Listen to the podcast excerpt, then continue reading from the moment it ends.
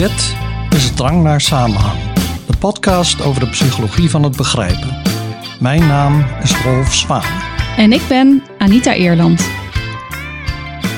Het begint wel steeds voller te worden hier. Hè? Mhm. Ik zit nu een beetje inmiddels met een soort schoenenkast in mijn rug. Ah ja. Ehm, het gaat nog net. Ik zal proberen een beetje stil te zitten. Dus nog even volhouden met de verbouwing. Straks, eh, over een paar dagen, gaat de hele benedenverdieping eruit. Of eh, Op de schop. op de Ja. schop. En dan kunnen we hier dus niet zitten. Dus de volgende opname komt vanuit Oostenrijk. En eh, nou ja, dan zijn we benieuwd hoe het eh, gaat worden. Ja, de opname of de verbouwing? En de verbouwing. De opname, dat zal wel lukken, denk ik. Ehm, ja, en dan moeten we maar meteen beginnen misschien. Hè, met de deur in huis vallen. Eh, Nou, overschatten we het gevaar van AI? En dan vooral in relatie eh, tot misinformatie. Nou, er is Mhm. natuurlijk al heel veel over in het eh, nieuws verschenen. En we hebben er zelf ook afleveringen over gemaakt. Ja, volgens mij hebben we er zelfs drie achter elkaar over gemaakt. Dat klopt, ja. Op een gegeven moment dacht ik, we hebben nu een podcast over AI. ja. Nou ja, het was in die tijd heel veel in het nieuws. En we waren er zelf ook heel erg mee bezig. Ja, dat klopt. Dus vandaar. Maar we zullen die linken in de show notes. En op dat moment was er nog niet zo heel veel bekend over wat die systemen nu eigenlijk kunnen en niet kunnen. Mhm. Inmiddels zijn heel veel mensen daarmee bezig van eh, hè, wat kun je er nu eigenlijk mee en wat niet. En in het begin heerste er echt een eh, combinatie van angst, verwarring en enthousiasme. Ja, ik weet niet of die combinatie dan in één persoon zat, Nee. maar je zag verschillende kampen eigenlijk ontstaan, Ja. zoals bij heel veel eh, onderwerpen. Dus mensen die het allemaal fantastisch vonden en eh, toejuichten, en Mhm. mensen die wat meer sceptisch waren en ook inderdaad angstig voor deze ontwikkelingen. En ik hoor denk ik zelf meer bij die laatste groep, maar goed. Ja, ik, ik denk ik niet eigenlijk. Ik zie nu veel meer mogelijkheden, maar ik zie ook beter de beperkingen. Ook vanuit onderzoek waar we mee bezig zijn. En meer filosofisch of theoretisch gesproken vind ik het interessant dat deze systemen wel intelligent lijkend gedrag vertonen, Mhm, maar toch niet op een manier eh, zoals mensen dat doen. mhm. Dus leidt het misschien tot een soort ander besef van wat menselijke intelligentie is. Dus dat vind ik er ook wel interessant aan. Ja, dat snap ik. Dat vind ik ook wel interessant.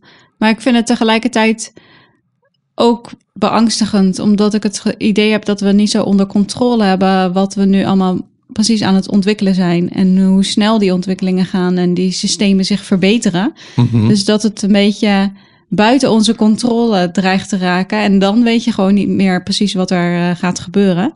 Dus ik, ja, ik vind het interessant en ik vind het fascinerend dat het kan, hè, wat die Mhm. systemen allemaal kunnen, dat het eh, heel intelligent lijkt.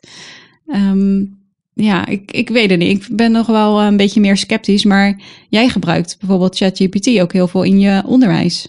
Ehm, ja, dat klopt. En ja, ook omdat ik weet dat de studenten het ook doen. Als je met studenten praat, dan eh, is duidelijk dat zij de- dat heel veel gebruiken. Om te schrijven. Mhm. Hmm. En of hem niet zozeer om iets helemaal vanuit het niets te schrijven, maar om hun schrijven te verbeteren. Net Ja. zoals je bijvoorbeeld een spelchecker hebt als je veel spelfouten maakt. Hè? Ja, en dat vinden we allemaal best normaal dat vinden we allemaal best normaal. Ja. En eh, nou ja, als je dan zo'n systeem gebruikt om eh, je zinnen beter te laten lopen, dan heb ik daar op zich nog niet zoveel bezwaar tegen.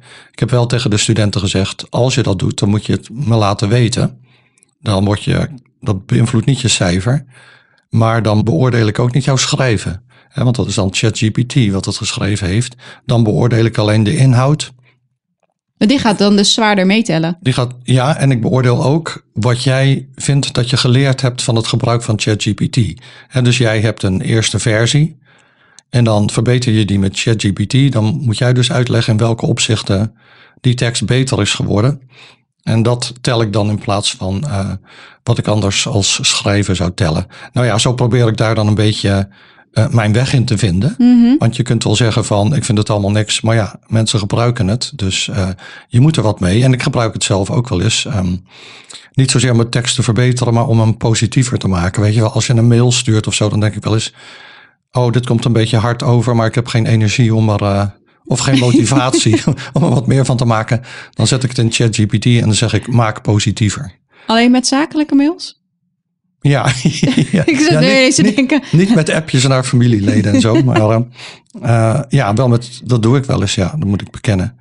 En, eh, maar goed, nu gaan we het over het artikel zelf hebben. Ja, Hè, dus over is er, ehm, is die angst wel gerechtvaardigd die mensen hebben met betrekking tot AI? ja omdat eh, AI dan de invloed van misinformatie groter zou kunnen maken. Ja. Dus misinformatie is sowieso een probleem. Maar wordt dat probleem versterkt door eh, steeds betere artificial intelligence? Dat is eigenlijk de vraag waar het om draait in dit artikel. Ja, dat klopt, dat klopt. En eh, ja, nu is het zo dat eh, dat artikel is natuurlijk super recent. En het is geschreven door wetenschappers die zich bezighouden met misinformatie enzovoort. En deze wetenschappers zeggen in dit artikel dat ze vinden dat wij ons te veel zorgen maken over AI met betrekking tot misinformatie. En we zullen er zo op komen waarom ze dat dan vinden. Ja. Maar eerst wilde ik nog iets zeggen over morele paniek. Hè, want dat is eigenlijk wat zij zeggen. Er is een morele paniek over AI. Mhm. En een morele paniek, dat is een begrip eigenlijk uit de sociologie volgens mij, maar later overgenomen in de psychologie. En eh, deze morele paniek gaat over technologie, maar dat heb je veel vaker gehad. Dat was ook met, misschien, ik geloof zelfs al met boeken, maar boek, boekdrukkunst, maar ook met eh, bijvoorbeeld de radio, natuurlijk met mobiele telefoons. Volgens mij ook de trein. En de trein en, en van alles. En, en nu dus AI. AI bestaat al veel langer, maar in deze vorm waar, je, waar iedereen er eigenlijk mee te maken heeft, eh, dan nog niet. Mhm. Ja, dat is En- denk ik aan de, de schaal waarop deze technologie ehm, is ehm, uitgerold. Ja, Inderdaad, iedereen he- krijgt ermee te maken. Ehm, en het is, ja, het is overal, zeg maar. Dus als er een invloed is, dan zie je dat in heel veel verschillende contexten Ja, terug. En dat, maakt het een beetje, dat maakt het zo groot. ja, dat is waar. En je weet vaak ook niet of iets wat geschreven is, of dat dus door een AI-systeem Mhm. is geschreven of door een persoon. En daar heb ik ook onderzoek naar gedaan met studenten, waarin we nieuwsartikelen namen. En dan lieten we ChatGPT daar tweets van maken. En dan ofwel vanuit een conservatief perspectief, of een progressief perspectief, of een humoristisch perspectief, of sarcastisch. En we lieten mensen ook tweets maken op basis van die artikelen. En toen gaven we die tweets weer aan andere groepen mensen. En dan zagen we dus dat bijvoorbeeld de humoristische tweets van ChatGPT en de sarcastische tweets, die werden als meer menselijk beoordeeld dan de tweets die door mensen waren geschreven. Dus dat geeft dan aan op zeer bescheiden schaal hè, dat mensen niet goed zijn in het bepalen of iets nu door AI is geschreven of door een mens. En het geeft ook inzicht in wat wij denken, kennelijk. Wat Ja. zo'n computer dan kan genereren. Ja, en dat, dat wij denken zoiets als humor en sarcasme. Dat is iets wat wij mensen alleen maar kunnen. Ja, En een computer kan alleen maar droge teksten genereren. Ja. Maar dat is dus niet meer zo. nee, daarom hadden we die condities precies Ja. opgenomen in dat experiment, ja. Dat wilden we weten, dat had, had ik eigenlijk voorspeld. Ja, Dat die tweets als menselijker zouden worden gezien dan de menselijke tweets. maar misschien over tien jaar niet meer. Want Nee. dan hebben we inmiddels geleerd dat een computer ook zulk soort Dan moeten we ander kan- soort grappen maken. nee, maar Nou, laten we eh, helemaal geen grappen meer maken. nee, dat zou, dat zou het einde van de samenleving zijn als we geen grappen meer mogen maken. Ik weet wel dat sommige groepen in de samenleving vinden dat we nergens grappen over mogen maken. Maar eh, zonder grappen eh, gaat alles naar de knoppen, denk ik. Ehm, nou ja, maar dus dat artikel, dat zei ik al, dat staat in de show notes. En we hadden het over die morele paniek. Nou ja, daar waren we mee begonnen. Maar... Ja. Nou ja, daar wou ik naar terug. Oh ja, ja dat En- lijkt me goed. En die morele pa- paniek, of een morele paniek in het algemeen, die wordt gedreven door de weer, wil om te begrijpen hoe eh, technologie de maatschappij gaat beïnvloeden. Mhm. Ja, dus er komt iets nieuws en je denkt, oh, dat gaat een grote impact hebben op de maatschappij. En dan ga je proberen te bedenken hoe dat dan zou zijn. Je wil eigenlijk weer samenhang brengen. Hè? Er is een soort verstoring van de, Ja, van de vijver. Er is een steen ingegooid. ja. Nou ja, die dat wil je dan oplossen, dus de drang naar samenhang. Maar een morele paniek is dan een soort extreme reactie. Eh, en het is een vijandige reactie en een reactie die heel erg in de media is op een eh, situatie of technologie in dit geval dus, die de waarden en normen van de maatschappij lijken te bedreigen. En een morele paniek is dus een angstreactie die niet in verhouding staat tot de dreiging. Mhm. Dat is het idee. En in de psychologie wordt dan gezegd er zijn vijf stadia van eh, morele paniek. De eerste is, nou ja, die, dat wordt waargenomen. Dus die AI-systemen werden gelanceerd bijvoorbeeld. Ja. Wordt gezien als een bedreiging voor maatschappelijke waarden, de veiligheid en bepaalde belangen. Dat is de eerste stap. Dan wordt dat versterkt door de massamedia. Die komen met eh, simplistische verhalen en symbolische retoriek. En dan krijg je dus een gevoel van eh, sociale angst en bezorgdheid onder het publiek. Mhm. En dan krijg je dus dat de- degene die dan de moraliteit bewaken, dus redacteuren van nieuwsorganisaties, eh, politici, religieuze leiders enzovoort, eh, die ehm, influencers, die reageren dan op de dreiging. En dan, komen zij met oplossingen. En dat kan dan leiden tot nieuwe wetten enzovoort. En dan verdwijnt de situatie, dan de laatste fase. En zakt weg, of hij wordt toch weer zichtbaar. Dat kan ook, hè? Als er dus. Dus die bemoeienis van die partijen is erop gericht om die angst te verminderen. Ja, ja. En die angst ontstaat eh, omdat mensen denken dat, dat er, omdat ze zich hele ernstige gevolgen voorstellen, of omdat ze niet weten wat de gevolgen zijn. Mhm. Dat vroeg ik me af. Nou, ze weten niet wat de gevolgen zijn. Dat, ze, ze Dus die onzekerheid daarover, van Ja, er gaat ja. nu van alles veranderen Ja, eh, op grote schaal en we weten niet precies wat. En die onzekerheid zorgt dus voor de angst. Ja, die onzekerheid, je probeert het te begrijpen. Ja. En het is iets eh, wat niet past binnen je, zeg maar, je situatiemodel. Nee, dus je moet ja. dan accommoderen. En nou ja, dat doe je dan als maatschappij door dus eh, experts eh, aan het woord te laten. En die komen dan met diagnoses en oplossingen. En in een recent artikel zegt de psychologe Amy Orban dat dat een soort Sisyphus- Sisyphus-achtige cyclus is. Hè, zoals Sisyphus steeds die steen tegen de berg oprolt, die dan weer naar beneden rolt, heb je hier eh, ook zo'n cyclus. Dus dat is een nieuwe eh, technologie. Dan wordt er een paniek gecreëerd. Dan gaan politici mensen aan het werk zetten om het probleem op te lossen. Dat zijn dan vaak wetenschappers. Maar die weten niet goed waar ze moeten beginnen, want ze hebben eigenlijk geen. ehm, ja, er is geen context voor dit specifieke probleem. En dan gaan ze opnieuw het wiel uitvinden. Maar dat, eh, dat duurt dan te lang en dan ebt. En er is dan geen vooruitgang eigenlijk eh, om het probleem op te lossen. En dan inmiddels is er weer een nieuwe paniek. Over en iets anders. Het, ja, en dan Ah. gaat het weer van vooraf aan. Dan, is, dan is afleiding dus eigenlijk de beste oplossing. Zo lijkt het dan wel. Als het ja. maar Ja. gewoon lang genoeg duurt, dan komt er Ja. vanzelf weer iets anders. En dan zijn, dus we moeten nu gewoon wachten op een nieuwe technologie of weet ik veel, een andere crisis. Nou, er zijn er genoeg van. Nou, we hadden ook een aflevering over collectieve aandacht. Dus je hebt altijd eh, dingen in het nieuws die dan ineens de aandacht van iedereen grijpen. Mhm. Dat gaat dan ten koste van andere problemen. Ja, Zoals nu bijvoorbeeld de situatie in het Midden-Oosten dan een beetje Oekraïne van de, uit het spotlicht duwt, zeg maar. Mhm. Eh, dat heb je dan ook met die technologische problemen. Maar de vraag is natuurlijk, is dit een morele paniek? ja. Nou dus is die angst gerechtvaardigd of niet? Dat is ook de titel van de aflevering. En daar gaat dus ook dat artikel over. Ja, het gaat inderdaad over, nou, dus met name misinformatie.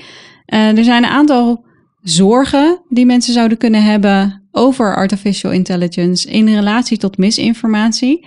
Ehm, en die zorgen, die bespreken zij stap voor stap. Nou, dat zullen wij ook doen. Maar we weten al wat de conclusie is, namelijk dat we ons te veel zorgen maken. Maar we zouden ons bijvoorbeeld zorgen kunnen maken over dat de hoeveelheid misinformatie gaat toenemen. Met, Ja. eh, nou, niet met de komst van artificial intelligence, want je zei al, dat bestaat al heel lang. Maar ehm, als artificial intelligence steeds beter wordt en steeds Mhm. makkelijker gegenereerd kan worden, nou, dan zou je kunnen veronderstellen dat er ook meer misinformatie komt. En dat willen we natuurlijk niet. Dan is er een andere zorg eh, over eh, of als artificial intelligence systemen steeds beter worden, Mhm. of we dan niet steeds slechter worden in het herkennen van misinformatie. Dus dat het makkelijker is voor misinformatie om eigenlijk te infiltreren in ehm, ja, Mhm. echte informatie. Dus dat is een tweede zorg waar ze het over eh, hebben. En een derde zorg is dat ehm, als artificial intelligence steeds beter wordt, dan kunnen kunnen berichten steeds beter gepersonaliseerd worden. Dus je Mhm. kunt dan steeds beter mensen specifiek eh, aanschrijven of bereiken met berichten die voor hun interessant zijn, die aansluiten bij hun belevingswereld. En dan zou misinformatie dus ook meer invloed kunnen hebben. Dus dat zijn eigenlijk de drie zorgen die, eh, die zij noemen. En die gaan we bespreken. En ehm, de auteurs ja, kijken naar die drie zorgen eh, op basis van bewijs uit zowel de communicatiewetenschap, cognitiewetenschap en eh, politicologie. Ja, Ehm, en ze, ze zeggen dus eigenlijk over alle drie die dingen, daar hoef je je geen zorgen over te maken. En we zullen nu zien waarom ze dat dan zeggen. Dus het eerste punt dat jij noemde, dat was de hoeveelheid misinformatie. En daar hadden wij het ook over in die eerdere afleveringen. Met AI kun je gemakkelijk veel meer misinformatie genereren. Dus de aanvoer van misinformatie zou dan enorm vergroot worden. Ja, Maar volgens de auteurs is dat geen probleem. Want het feit dat er meer informatie beschikbaar komt, wil niet zeggen dat mensen er meer van zullen consumeren. Mhm. In plaats daarvan zeggen ze, nou ja, de consumptie van misinformatie wordt voornamelijk beperkt door de vraag en niet het aanbod. Dus er is niet zo'n behoefte aan misinformatie in die zin. Want uh, het is nu al mogelijk om op grote schaal misinformatie te produceren. En dat gebeurt ook. Maar veel van die informatie blijft onopgemerkt. Omdat er maar uh, heel beperkte aandacht is voor misinformatie. Dus het is al makkelijk om het te genereren. Ja. Maar het wordt eigenlijk niet zo opgenomen mm-hmm. uh, door de bevolking in zijn algemeenheid. Eigenlijk zie je door de eeuwen heen dat mensen al veel creativiteit uh, aan de dag hebben gelegd om valse verhalen te verzinnen. En die hebben ze al heel vaak uh, verspreid hè, als misinformatie. Dus het is niet iets nieuws. Nee, en daarom is het dus onwaarschijnlijk dat een groot deel van de bevolking op zoek is naar misinformatie die ze nu nog niet kunnen vinden, ja. online of offline. En dus dat ze behoefte zouden hebben aan uh, meer nieuwe misinformatie. Ja. Dus ja, ik vond het wel uh, grappig om te lezen dat er dus kennelijk niet zoveel vraag is naar misinformatie. Nu snap ik wel dat niemand van zichzelf denkt dat hij actief op zoek is naar misinformatie.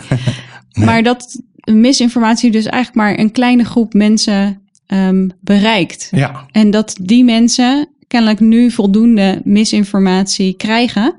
Dus ook ja. al genereren we nog, weet ik veel, 10, 100, 1000 keer zoveel misinformatie. Dan gaat dat er niet voor zorgen dat veel meer mensen daaraan blootgesteld zijn. Of dat mensen die daaraan blootgesteld zijn dat allemaal op gaan nemen.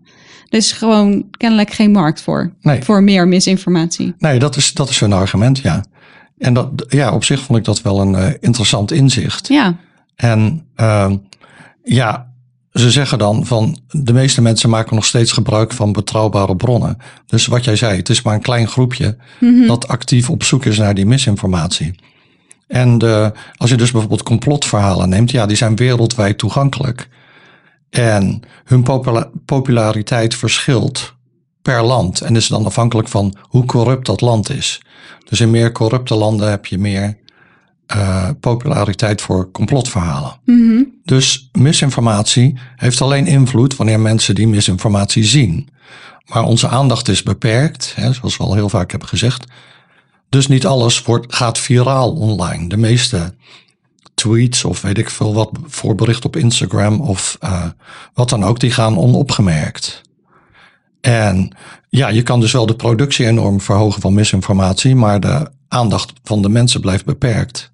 Ja, dus daarmee hebben ze eigenlijk de eerste zorg al uh, weggenomen. Ja. Dan komen we bij die tweede zorg. Dat gaat om de, niet de kwantiteit, maar de kwaliteit van ja. misinformatie. Um, ja, er is het argument dat uh, AI een aanzienlijke bedreiging vormt voor ons allemaal omdat de berichten die ze maken, en dus ook de berichten van uh, ook, misinformatie, dat die steeds overtuigender uh, worden. Mm -hmm. Steeds beter uh, en dus steeds moeilijker om te onderscheiden van echte informatie. Als AI inhoud produceert die er betrouwbaar en professioneel en zelfs wetenschappelijk uitziet, dan kan dat dus de geloofwaardigheid van online bronnen in zijn algemeenheid beïnvloeden. Maar, zeggen de auteurs, ook hier hoeven we ons niet uh, heel grote zorgen te maken. En zij hebben verschillende redenen die zij aanvoeren voor waarom we dat dan niet hoeven doen. Ten eerste zeggen ze, um, het is nu ook al relatief eenvoudig voor makers van misinformatie om de betrouwbaarheid van die misinformatie te verhogen. En dan komen ze aan, want eigenlijk tot nu toe dacht ik steeds dat het over teksten ging, maar het gaat natuurlijk over meer dan dat. Het gaat Ja. ook over beeldmateriaal bijvoorbeeld. Ehm, ze zeggen nu be- bijvoorbeeld, ja, mensen die misinformatie maken kunnen met Photoshop eigenlijk ook heel ehm, geloofwaardige beelden maken. Ja, Dus eh, als die artificial intelligence systemen beter worden, ja, dan gaat het niet zo heel veel veranderen eigenlijk, want die mogelijkheden zijn er nu ook al. mhm. Dus als AI beter wordt, gaan we niet ineens.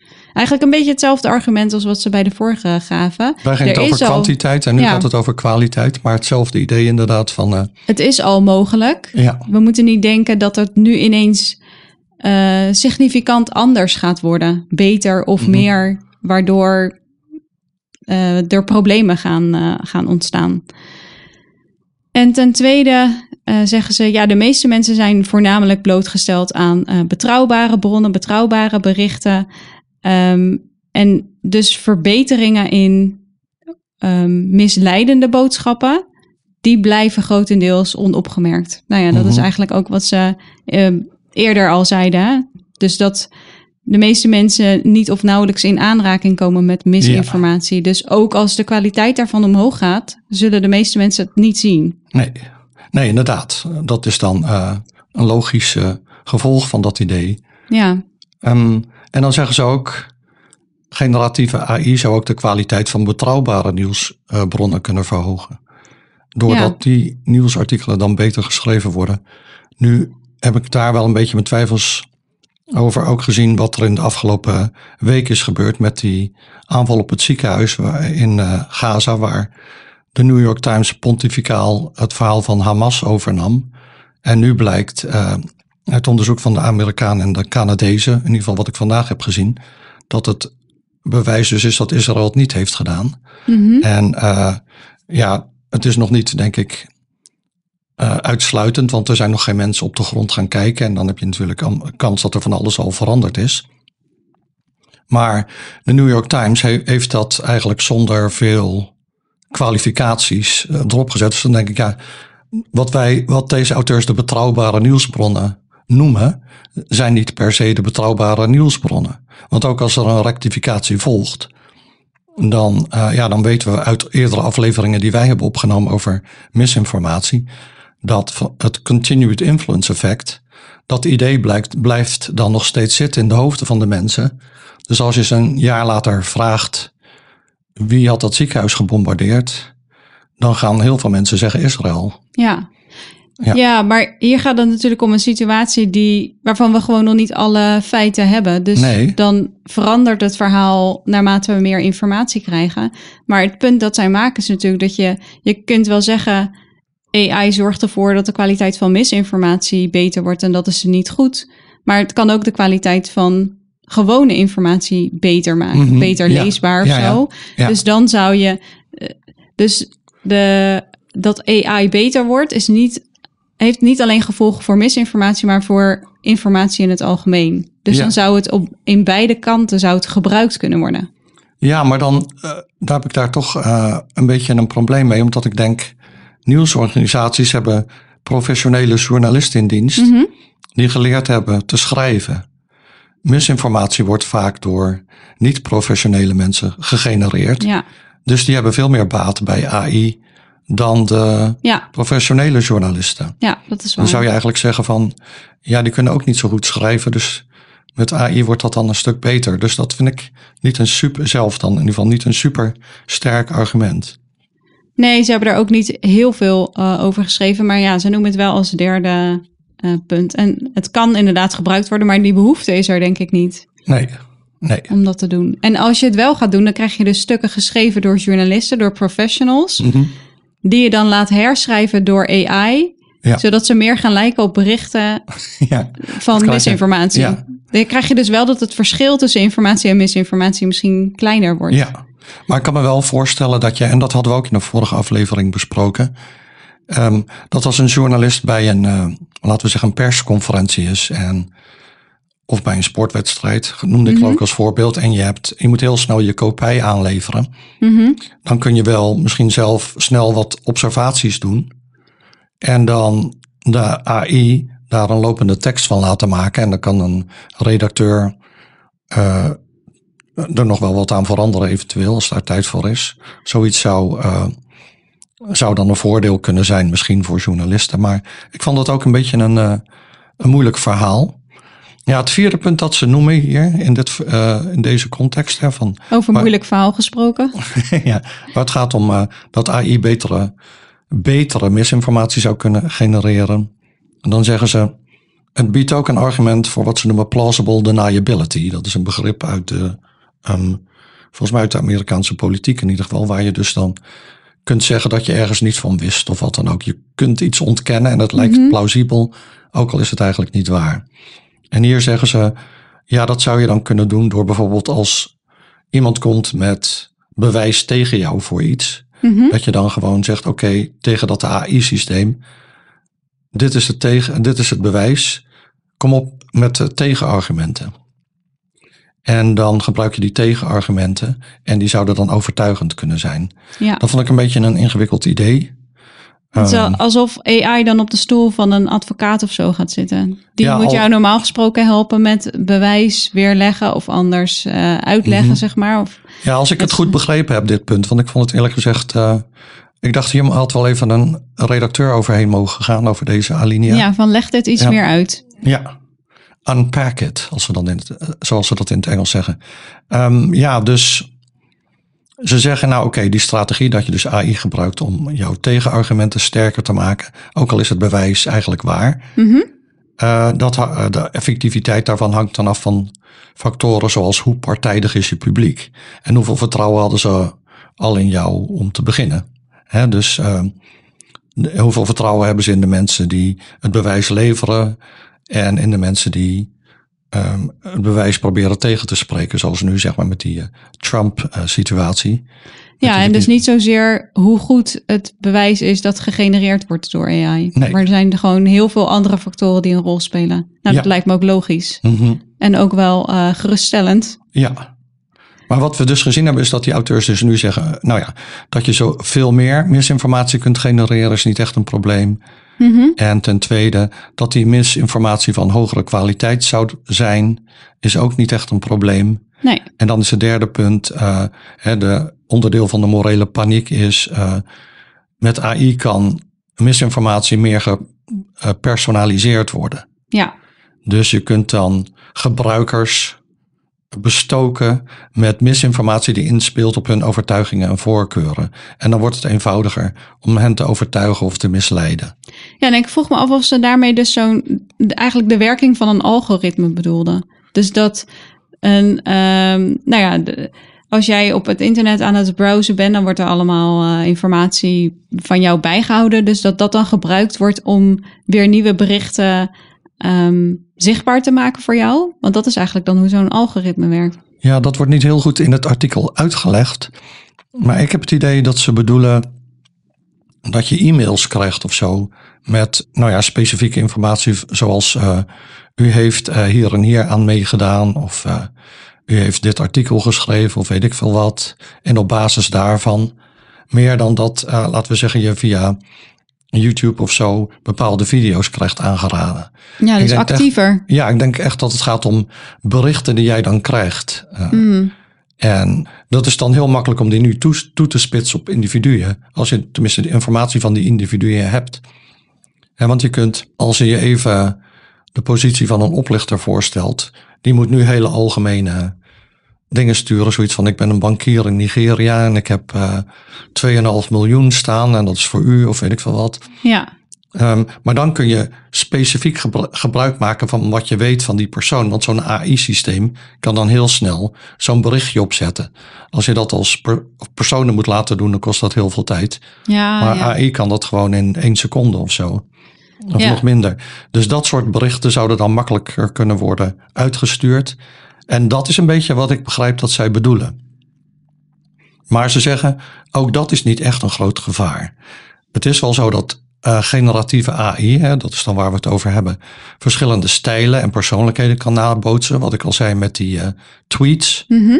Uh, maar er zijn toch een paar problemen met dat argument. Ja, ten eerste zeggen ze dat artificial intelligence wel beter wordt en kan betere teksten genereren of beelden. Um, maar artificial intelligence wordt niet heel veel beter in het bereiken van mensen. Dus Mhm. ook als je meer gepersonaliseerde inhoud kunt maken en mensen beter kunt aanspreken, dan moeten die mensen nog wel met die misinformatie in aanraking komen. En dat gebeurt niet zo heel veel. Dus eigenlijk ook hier weer het argument van.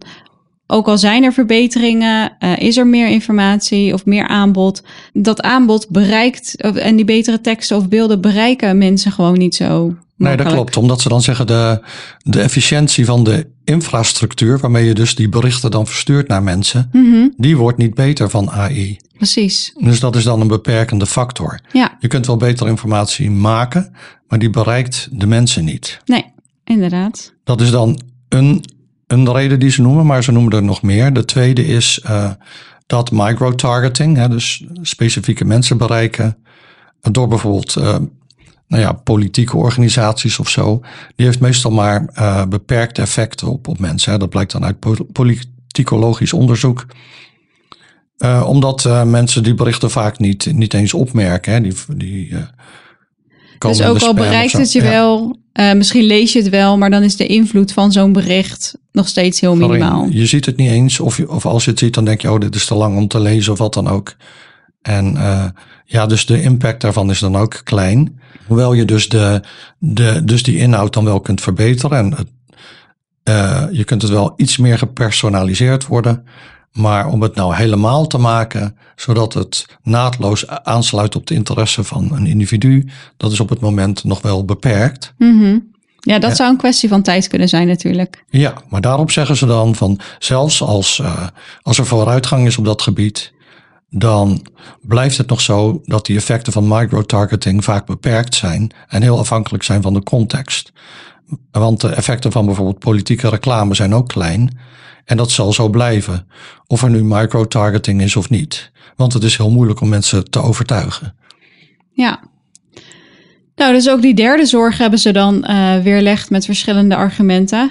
En uh, als we dan gaan kijken naar de conclusies, ja, mm-hmm. eigenlijk waren we daar ook al mee begonnen. Ja. We moeten ons dus, we hoeven ons dus niet zoveel zorgen te maken over hoe de ontwikkelingen van artificial intelligence, misinformatie, um, het aanbod daarvan en de kwaliteit mm-hmm. daarvan en zo gaat um, beïnvloeden. Ja, en eigenlijk wat mij is bijgebleven is dat ze voor die drie verschillende zorgen toch steeds een beetje met hetzelfde argument komen. Ja. Namelijk, er is maar een heel beperkte groep mensen die überhaupt in aanraking komt met misinformatie.